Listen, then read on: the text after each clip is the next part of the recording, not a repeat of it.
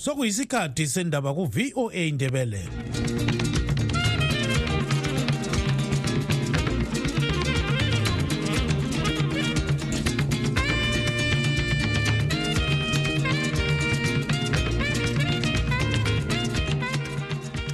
lingalivuka njani izulu kandaba olamukela emsakazweni westudio 7 ngolwesibili? Mhla ziku-16 zibandlela 2024 nguchris gande endabeni zethu lamhlanje. Amapholisa abiza omunye wabagcinisihlalo bebandla le-mrp umnumzana mudenda chilumbo ukuthi bambuzisise ngamazwi akhe okuthi baqoqa ukhetho lwereferendamu yokudinga ukuzwa ukuthi abantu bemathebheleland bayafuna na ukuxexebuka elizweni lezimbabwe. So ngiyahamba yikho kukhona babize mina kuphela. Ngizohamba akula problem we cannot evade umthetho but the world is watching. Amakhansila lamalunga edale lephalamende awebandla le-ccc alandula uluhlu olwethulwe lixuku elisekela umnumzana sengezo chabangu olutshengisa ukuthi baphathisa umhlangano wokuphawula umkhankaso wokhetho lwe-by-election. Lokho nje kuyikuzama kwabantu bezama usigcoba ngodaka singasiyo even iphathi kachabangu njalo angeke sisapota lo chabangu kodwa omunye osebenza lo mnumzana sengezochabangu umnumzana albert mhlanga uthi liqiniso ukuthi amakhansila lamasenetha labamela idale lephalamende baphathisa umbuthano wokusungula umkhankaso kankosazana mo blessing tembo oncintisa esigabeni sechabalala phelandaba ilanga elilodwa lifana lomnyaka kupolitics. Awungeke ulithembe ukuthi liyavuka lenjani yikho-ke ubezwa bephika nje bethi hhayi baqondile. Layena lo ohambise efafaza ukuthi lo okhiphe kubi singamuzwa. Hhayi ephathini laye kasekho zonke lezi ndaba lezinye lizozizwa khonapha emsakazweni westudio 7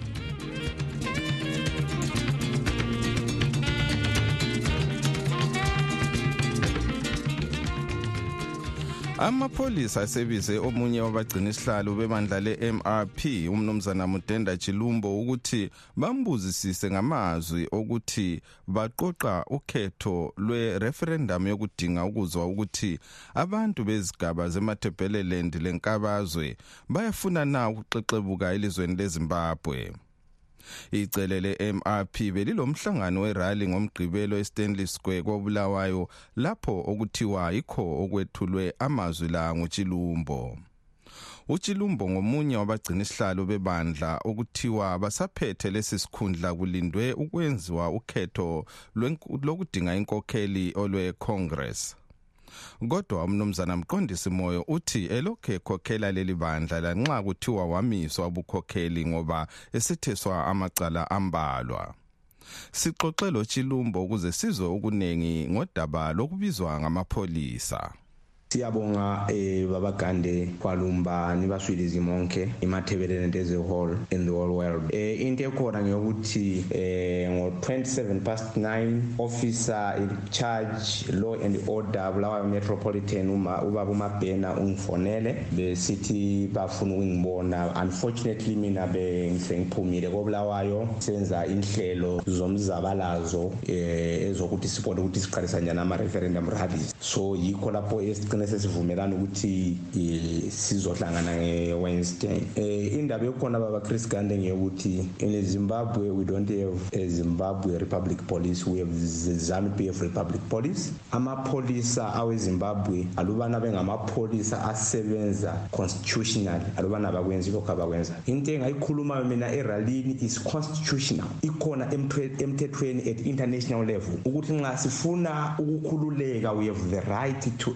i-referendum those are the benefits of i-versailles treaty ka-1999 1919 i mean i-versailles treaty ithi nxa kuyikuthi yabantu li-under oppression you have the right to stand libe lelizwe le. Zimbabwe is under what we call nationalistic uh, military alliance against the people of matabeleland. Zimbabwe is under what we call uh, electoral authoritarianism against the people of matabeleland. So thina ivoti yezimbabwe i-election yezimbabwe ayisebenzi. I told told MRP supporters ukuthi umnankagwa wasebenzisa umbhobho from 1966 to 1980 ukuthi eqotsha amakhiwa he was fighting oppression wasebenzisa umbhobho ngo-1982 to 87 ebhuqa abantu bemathebeleleni wasebenzisa umbhobho eqotsha amakhiwa ngo-2000 wasebenzisa umbhobho at last nomntwana ozebizolo bayakwazi ukuthi umgabe umnankagwa wamkhipha ngombhobho. So no one can be a paragon of political correctness every time. Kuyini okwenza ukuthi iworld ikhangele umuntu at his own disposal. Eharare wabulala abantu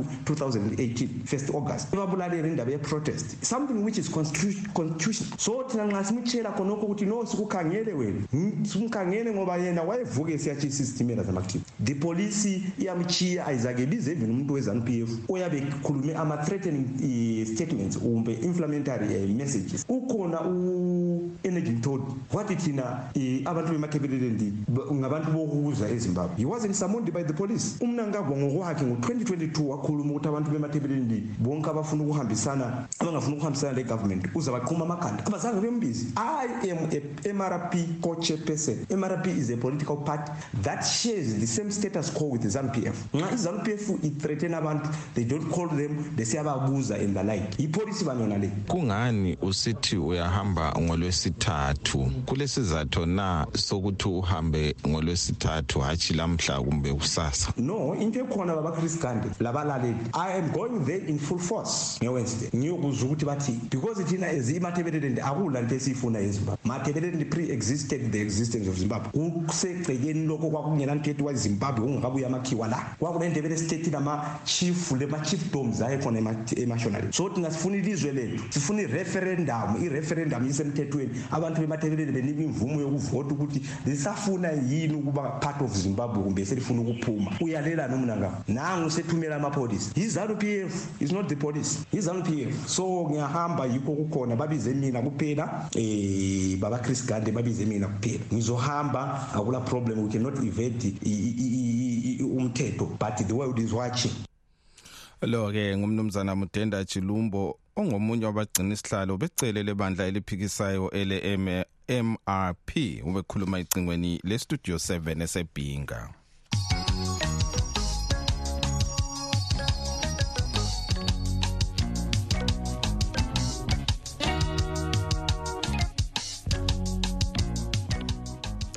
amakhansila lamalunga edale lephalamende lamaseneta awebandla le-ccc alandule uluhlu olwethulwe lixuku elisekela umnumzana sengezo chabangu olutshengisa ukuthi baphathisa umhlangano wokuphawula umkhankaso wokhetho lwe-by-election.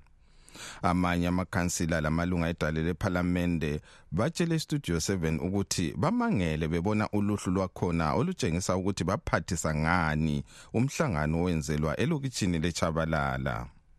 Uluhlu lolu luveze uncedo oluthiwa lwaphiwa umkhankaso kaThembo olugoqela ukudla imali onamnede lamanzi.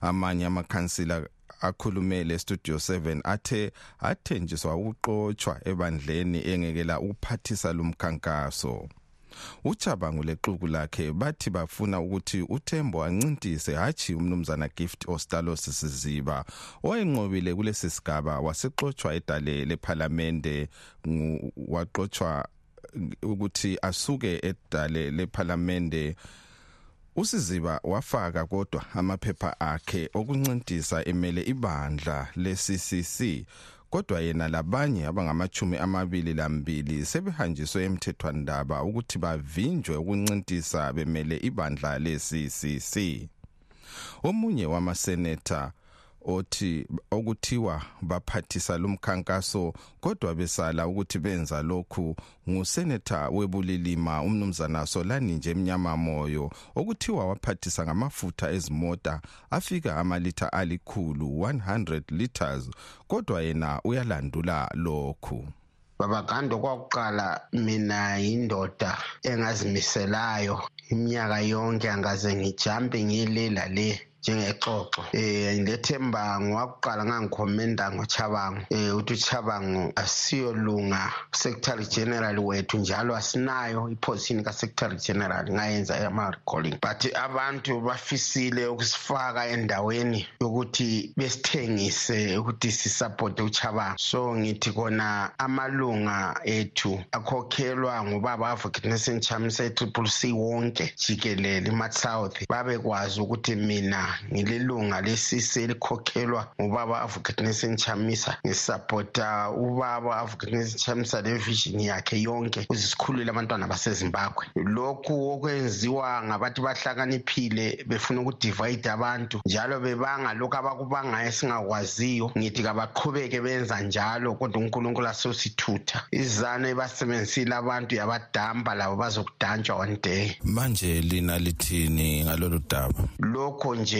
kuyikuzama kwabantu bezama usigcoba ngodaka singasiyo even iphathi kachabango njalo angeke sisapota lo chabango njalo akulamuntu ongaziyo ukuthi uchabango usetshenziswa izanu-p f. Ngisakhuluma nje abanye bathi ye ungakhuluma uyarecall angisiba sibo labo esahamba siyalanda ama-benefit or siyalanda umsebenzi ephalamende. Sahanjiswa imisebenzi emele sincede isizwe sakithi sezimbabwe sihluphekayo sizakhontina until sizaphumula mhla isizwe sakithi sesingene ecanaan sesikhululekile. Akulalokhu kodwa engikubona kusephalamende okungayincedisa ngaphandle okuncedisa isizwe sakithi. Yikho ngithi abantu bakithi bantu bakithi emat-south ngiyalihlonipha ngumkhokheli wenu. Njalo njengoba la ngikhetha ngaba ngusenator ngizolisebenzela um angeke even le one day ngizibone sengingasalandeli isinqumo esasisayinayo ukuthi um advocate nesintshamisa uzosikhulula so ngalawo mazwi ngithi hhayi abantu bakithi babagandi unkulunkulu ebabusise bakhulise banike ukuhlakanipha njalo bananzelele kakhulu kakhulu intwala ezingena ebantwini abaklini babenze bengcole. Benanzelele abantu esithi sinabo esemsebenzini yabo. Uyathola umuntu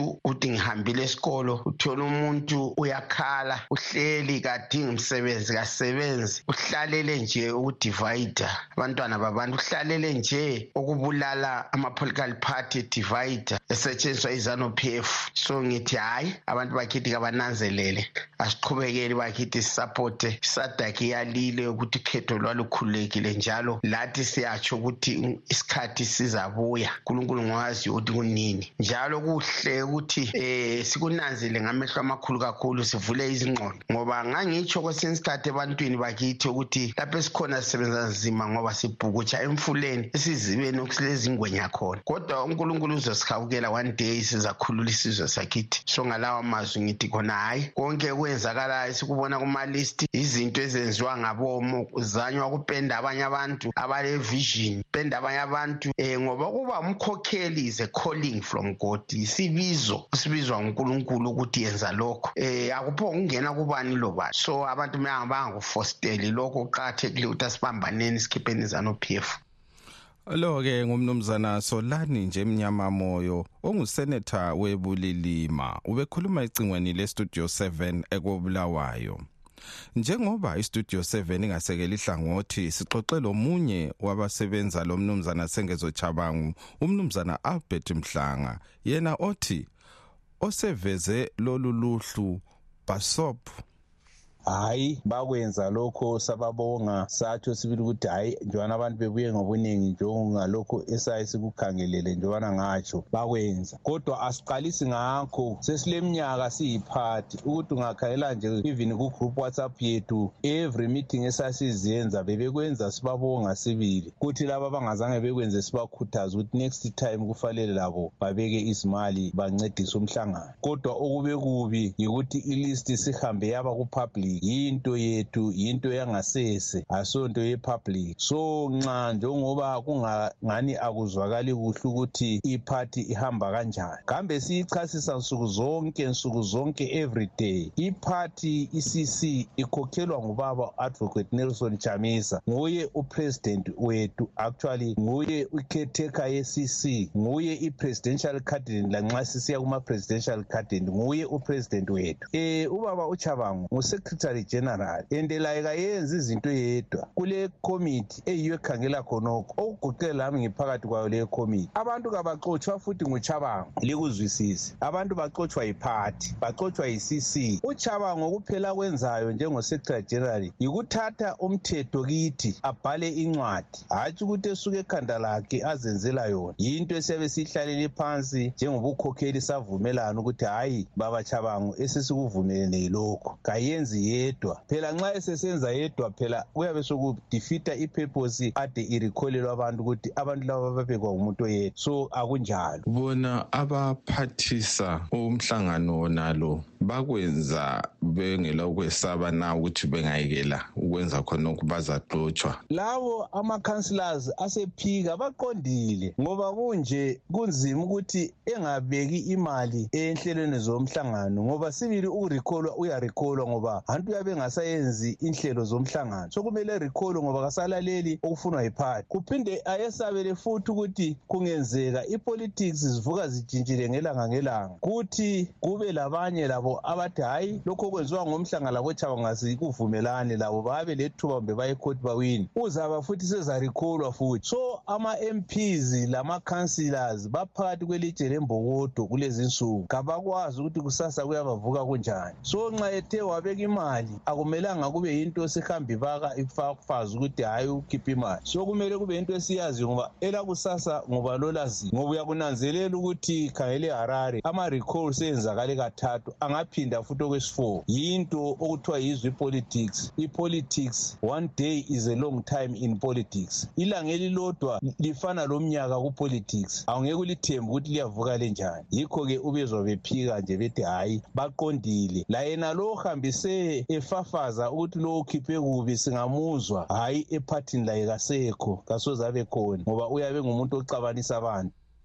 Lo ke ngumnumzana Albert Mhlanga ongomunye wabasebenza lo mnumzana Sengezo Chabangu ozithi ngunobhala jikelele webandla leCCC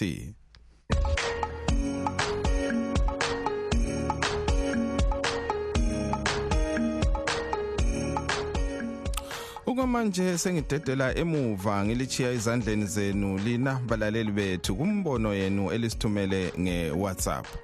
Studio 7 nditshona njani basazi bethu abahle? Ye besicela bonke abahleli bekhuluma ngendaba yegugrawunde nabathi bakhathalele isizwe samandebele nabalwela indaba zamagugrawunde ama-politician ama-opposition konke behlangane besebenzise le opportunity um e-south africa. Kuthi ukuthi e-south africa siyivulile indlela um bayakwazi kumele bekwenze kabahlangane bedlulisele phambili indaba yegugrawundi bengadlulisela e-south africa i-south africa izayibuyisela khona lela ehambise khona i-israel. Maybe kungaba yi-opportunity um ukuthi indaba le ikwazi ukulungiseka. Siyabonga. Salubonani balaleli kustudio seven. Nami ngibeke kancane linzisele lo joseph juma lo ukuthi evala umlomo wakhe. Lima uvula kalasithonzi vele iyanuka futhi lokunuka uyovale nje kwento ekhuluma yikho emhlabeni le. Akulanto nje vele esikhulunywa nguye-right kahle studio seven studio seven okukhulumayo ngongena nje. Kutsho ukuthi angazi ukuthi sengize ngatshintsha le namba ukuze lami ngizwe emoyeni ngizizwe emoyeni. Hhayi umfundisi lo usifakela yena lo ukusanisa ibandla lo. Hayi yena umfundisi. Kumele imfake entweni ze-culture ngoba amasesimamela into zenkolo. Kumele ukuthi equalify entweni ze-culture ze-traditional ze-culture elanda imvelo ezamasiko kakhulu ngoba lona ibhayibhili hhayi ukuthi liphithwa njani kakwazi. Akuyena umfundisi lowo ngiyabona um studio seven studio seven salubonani esh yazi ukuthi indaba bosengezwa chabango. Lolo busobutshileneyo lo lo busobutshekileyo lo yazi yasihlukumeza singamazimbabwes. Yabona sihlezi nzima amanzi sihlezi sinxa sodwa emazweni abantu um kodwa babhizi bona baligobethu ilizwe balibulala ilizwe phambili yazo kwesinye isikhathi ngomcabango umamele istudio seven ngicabanga ukuthi uzenza igama lakho sengezochabanga ndawo mnangakho uyahluzwa nje siba ne-stress nje uzojugukelana nje ngendlela ekorayi manje eh, um uchamiso uyamtshela uchabango lokuthi ngochabango bengusengezwa mnangakho ukuthi angasebenzisi ubuso bakhe ukukhampeneleni imgunyathi yakhe lozamyenza yena ufuna ukusebenzisa ubuso bukachamisa ngenkaka kade uyangasebenziswa bakhe bonto obutrabhene uyangasebenziswa bakhe ubuso bonto obutshe obutshekileyo yazi ukuthi lawojoseph juma lo logawuli ngoba into abayikhuluma yidodi kodwa siyahlukumezeka. Uzojoseph juma beyivikela izambedi yakula gugurawunda yeyi wathi wathi kwadlula lapha. Studio seven noma thinti tala okhulumayo cela ukukhuluma lala amantombazana la abolile la akhuluma ngokuthi asithuka singabantu basemathebeleleni labo la bantu basemathebeleni bakhona abantu abasizonda basizonda la bantu bempumalanga yinto thina sibathanda. Mangathi abantu bayakhuluma lapha emsakazweni ukuthi kuthiwa abantu bababandlulula sometimes bathi istudio sabo labo bebuye kwesethu so le nto leyo asiyithandi. Especially chuma lo gawulo fanele liyilungise leyo nto efana laleyo lihambe ephalamende liyilungise leyo nto leyo ngoba ngeke siyivume leyo nto leyo koxabana abantu manje lingayiqapheli le nto le. Sikhathi sikwatile thina ngale nto le thina sobabekezelela beyenza udodo wabo asiyifuni futhi thimini yenzeke. Bathe ikhandela kabuthanga bafake inkosi ulebhengule asiyifuni futhi leyo nto leyo njalo siyithande futhi. Angeke siyithande futhi noma noma ngaliphilanga ngiyacela baholi bethu ukuthi liyilungise le nto. Bafisa ijele la lofake ekhulukuthi lafake ejele laba bantu mathintitha lo khulumayo basakazi bestudio seven sakumanani ngihlale bezi kodaba ngingachithi isikhathi. Um uzisikelelani emahwahweni ngoba uchabango sizwa sekhuluma sengathi kuthiwa nguye umholi we-ccc umholi we-ccc uthulile kakhulumi lutho kanti uchabango ngesimze sekhuluma ngamakhongresi yonke into ekalungisela amakhongresi kodwa sikaze simuze umholi we-cc ekhuluma. Um okwesibili uchabango uyidistroyile i-ccc i-ccc ikhethwe ngabantu bafaka ama-mp yena lo chabango ngoba esebenzisana lezanu njalo izanu imnikeza amandla ngamakhodi um wayidistroy i-ccc but ufuna futhi ukuba ngumholi wayo. Kanti kahle kahle ucabangani lo muntu ngoba ufuna ukuba ngumholi kodwa ngapho uyadiliza futhi. Kanti yini into oyifunayo vele? Asimqonde ukuthi kahle kahle utshawa ngeyini into oyifunayo. Akuqondakala angeke uze uthi uyakha umuzi. Ufuna ukuba ngumholi walowo muzi kodwa futhi uyawudiliza ngakwelinye isayidi. Kanti yini into oyiqondileyo? Akake sichazele kahle ukuthi kahle kahle ufunani ngoba asiyitholi into oyifuna siyi-understand into oyiyenzayo. Siyabingelela siyabonga. Sicela ukuthi abantu bezanu bona abayikhulumela futhi omsaka bona abaqamba amanga. Beyekele into yabokuphika amaqiniso maphikankani ezimbabwe akula msebenzi akula development since 1980 thina isicela basenzele nabasikhiphela ujob scala ejele kuphela. Bese bevula amakhampani laba abantu abatshona bemayina igolide ke bephume. Khona thi khona bamayinana ngitsho nakuphi? Wonke umuntu uphethe ipiki wemba igolide ayiphele leyo nto leyo. Imigwaqo iyadilika izikolo ziyadilika yonke into iyadilika. Amadama asegqibelelekile wonke akwabulawayo kusela manzi ngamadaka sokugcwele umhlabathi. Ngabo bethi bagubha igolide bejike besikhohlise besiqambela manga abantu bezanu laba. Ake besihloniphe nje into esicelayo inhlonipho nje kancane. Abake beme kancane nje ngamangako labo esenzela wona. Kustudio seven linjani basakazi labalaleli abahle? Ye ngithi ngiphawulo ngobaba lo kuthiwa mkandla lo wama-ovethi lo othi yena umgabe wayengcono kulo mnangakho uyazona mdala wena so hayi kunzima bafowethu ma umuntu wena uyadla kuzana udlala kahle mdala akula nto engcono la. Spect wes wena nguphi umuntu ongasitshela ngayo wakwahlala ejele nje embusweni kamgabe? Wakwahlala ejele botshelwe zombusazwe wahlala ejele wangathonisiswa abantu babolele emajele manje abanye bagotshe into ezingekho kungamakhota kucaci kukarikholwa nje. Into esingacacile njengamandlwane ukusitshela ngokuthi umbuso kamnankakho ngcono ungcono. Ngokuba kwenze njani ngoba vele kwabed west there's no even a politiki ezimbabwe. Nje amadlwane kuyadlalwa nje. Ya akula ngitsho i-investment engabe izongena lapho. Naloko liphika likhala ngama-sanction kuyini elingavusi kahle ilizwe. Hhayi baba umkandla ukhulile wena mdala. Um zamani ukusihlonipha mani. Ilizwe lelifile ngenxa yelina ma-oveti lina. Lijabuliswa khona ukuba ithambe elingelanyama studio seven studio seven. Ngikhuluma nje ngingumama ogcolokileyo sicelani usizo um lapha ekhezi eseni ana secondary. Abantwana sesizwele ngabantwana baxotshwa everyday esikolo. Um imali zakhona too much too much imali zakhona umntwana ubhadala 900 rand esikolo. Phinde kuthiwe kufuneka 500 rand esikolo. Leso sikhathi uma engalawe leyo mali uyajikiswa ebuyele ekhaya everyday hayi sicelani usizo sibili ngalo headmaster elokhuzeni labaphathi bakhe abahlala egedini abantwana bengasafundi celani lisisize kakhulu. Abantwana bethu kuze befunde imali zesikolo siyazidinga singabazali. Studio seven njani basakazi liyaphila? Hayi siyaphila. Nxa likhuluma lothulane hayi siyazizwa indaba ezinhle lezimbi. Um nango kuchabango um labo bona labo ophugeni bakhe bona labo lamaloya akhe nala amagoda ekele ubeke mtshela amanga lowo chabango uchabango lo sefuna amasanshini imali ezozithola phesheya encitsha imali. Uchamisa vele shevalele yona nje ukuthi i-triple c imali yakuchabango nje igama elifana labochabango labophugeni lingabanikeza imali. Ezetabala bethola amasanshini sibondini yona izalo izobanikeza yini imali yini ukuthi beleke bekhankasela yona izalo khona ngale? Ngiyabezwa nje ukuthi hhayi bakhuluma into engekho. Bafuna ukwenza ngathi bayabuka hhayi vele nasibabuki nathi nathi asibabuki silana nje siyahlupheka ngenxa yabo but into esibatshela ukuthi asibabuki lapho lamaloya akhe konke nje um so nje into esezikhona ukuthi befakele amasanshini imali nje ungasatholi impahla ungasatholi. Ehambe ethola kuzana. Yabonga bostudio seven ungasalela lo ivoice yami la ikidluli ikizwakala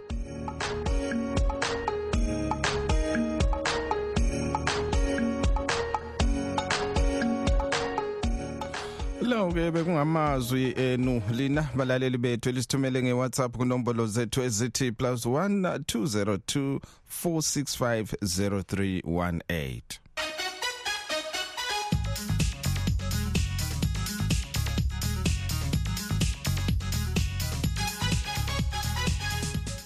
Kwezemelika izolo kwenziwe ukhetho lwakuqala lokudinga ozamela ibandla lama Republicans kukhetho lokudinga umongameli welizwe leMelika. Sokusele abathathu kuphela abadinga ukumela leli bandla ngemva kokusuka kwabanye besehluleka ukuthola imali efunakalayo ukuthi baqhubekele phambili ngomkhankaso wabo. Asebesele ngowayengumongameli umnumzana Donald Trump unkosikazi Nikki Haley lo mnumzana Ron DeSantis. Ukuhlaziya lolu daba sixoxe locubungula izombusazwe umnumzana Raphael Mthombeni. Hayi mina mbona ngathi nxa sokusiza umhlaba wonke isokuhlangana ama-states wonke kuzaba lobuzima. Eh ngibona ngathi izinto ezimlandelayo lezi ezinjengokuchaya i-white house eh, ngojanuary 6 2020 laphana ngibona ngathi izinto ezizamdonsela phansi. Nxa kuyilizwe ngelizwe ye kodwa nxa sokungumhlaba wonke eh ngibona ngathi kuzaba lobuzima ukuthi abuyele laphana anqobe uBiden. Kodwa nxa sikhangele lona ibandla lama Democrats siyabona ukubana kungani kulokukhonona ukubana umnumza umongameli Joe Biden usekhulile? Ubona ungani akusoze na kudelise inhliziyo zabanye bengamvoteli ye kungenzakala ukuthi kube yikho lokho ukuthi bahlehlele emuva. Kodwa ngibona ngathi bazafuqa sokusiya ekugcineni kokhetho.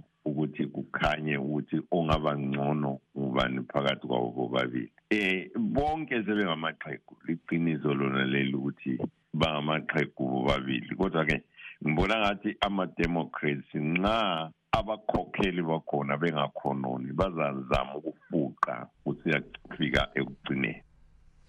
Lo ke ngumnumzana Raphael Mthombeni ocubungula izombusazwe.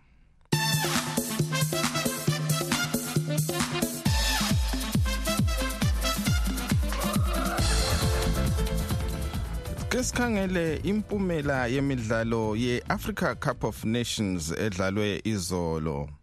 Ele Senegal 3 Gambia 0 Cameroon 1 Guinea 1 Algeria 1 versus Angola 0 kusasa ke iBurkina Faso izabhekana le Mauritania kuthi iTunisia yona idlale le Namibia imali izabhekana le South Africa hayi isikhathi kasisavumi ukuba siqhubeke sisonke kodwa ke Singakehlukani ke sikhangele ezinye zenhloko zendaba ebezikhokhela kuhlelo lwethu lwalamhlanje. Amapholisa asebize omunye wabagcina isihlalo bebandla le-MRP umnumzana Mudenda Chilumbo ukuthi bambuzisise ngamazwi okuthi ibandla le-MRP liqoqa ukhetho lwe-referendum yokudinga ukuzwa ukuthi uZulu wesigaba semathebhelele lenkabazwe uyafuna na uxexebuka elizweni leZimbabwe. Umhlangano webandla lona leli ele-MRP uyenzelwe emakhokhoba eStanley Square ngomgqibelo lapho okuthiwa umdenda Chilumbo wethula amazwi la. Amakhansila lamalunga edale lephalamende awebandla le-CCC alandule uluhlu olwethulwe lixuku elisekela umnumzana Sengezo Chabangu olutshengisa ukuthi baphathisa umhlangano wokuphawula umkhankaso wekhetho lwe-by election olwe phelandaba chabalala. Silugqiba ke lapha uhlelo lwethu lwalamhlanje. Abanganelisanga ukuzwa indaba zethu. Yanini ku www.voaindebele.com igama nguchris gande asidibaneni njalo kusasa sikhathi sinye.